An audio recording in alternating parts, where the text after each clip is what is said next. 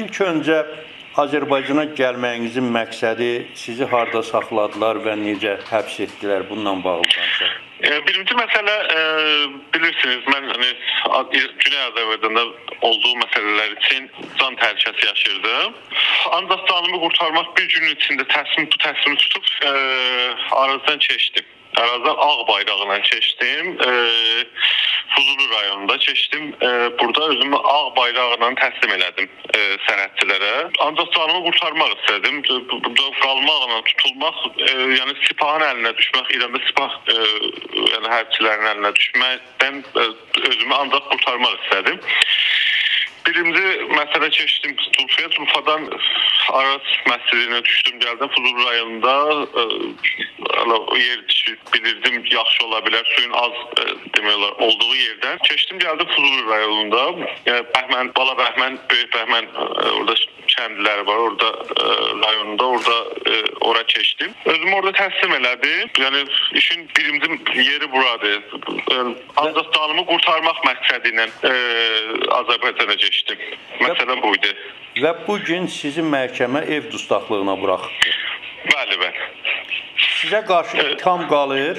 Mənə qarşı sanksiya ə, bir ay qaldırılıb. Ə, yəni bir ayda hələ ə, zaman var. Bu ə, mənim işlərimi yekunlaşdırmaq üçün zaman var. Amma mənlik bir şey olmamalıdır. Mən ə, Azərbaycan 318-ci maddəsinin qeydiyyatı ilə bir tanınmış siyasi ə, sahil olduğum üçün mən ə, sığınacaq qəsdi ilə Azərbaycana keçdiyimi birinci dəqiqədən, yəni o əsgərə təslim olanda ona da elan eləmişəm. Yəni orada da bilirdilər. Birinci məhkəmədə, ikinci məhkəmədə, üçüncü məhkəmədə istintaq ə, zamanında da bunların hamısını ə, deyilib ə, sübutlarla, sənədlərlə göstərilmiş məsələ olduğu üçün ə, mən ə, düşünmürdüm ki, mənim üçün bir problem olacaq. Yəni mən ancaq üçüncü ə, demək olar ölkəyə keçmək istirdim. E, bizim dostların orada e, siyasi partiyamız var. O e, Norveçdə e, Azərbaycan e, Demokrat Partiyası var. Onunla da əlaqədə e, olurdum. Yəni Simin xanım, Simin Səbri adını tanırsınız da Azad e, partiyasının e, sözcüsü ilə onunla zaten əlaqədə idim. Bilirdilər mən Azərbaycana keçmək istəyirəm, amma özümü təslim eləməli qəsdi ilə gəlmişəm bura. İndi siyasi sığınacaq üçün hara müraciət edirsiniz? Azərbaycan Respublikasına yoxsa Norveç? Azərbaycan Respublikasına e, yəni mənim başqa e, variantım yox idi keçmək üçün. Yəni bir Azərbaycan e, sərhədini tanıyırdım. Azərbaycana keçmişəm. Orada dostlarımız var, əzizlərimiz var, başqa. Ancaq BMT-nin əli ilə üçüncü ölkəyə keçmək istəyirəm.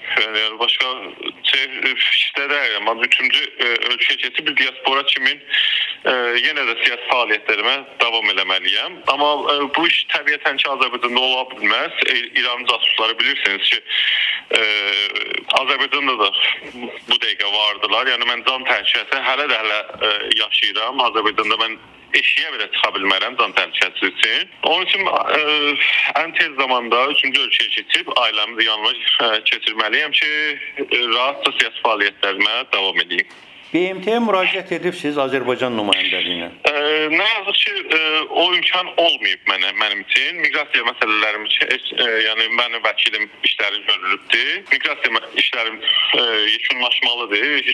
O miqrasiya işlərinin yekunlaşdıqdan sonra ə, BMT məsələsinə keçiləcək. Ondan sonra üçüncü ölkəyə keçmək məqsədi ilə ə, yəni onun işimi davam eləməliyəm.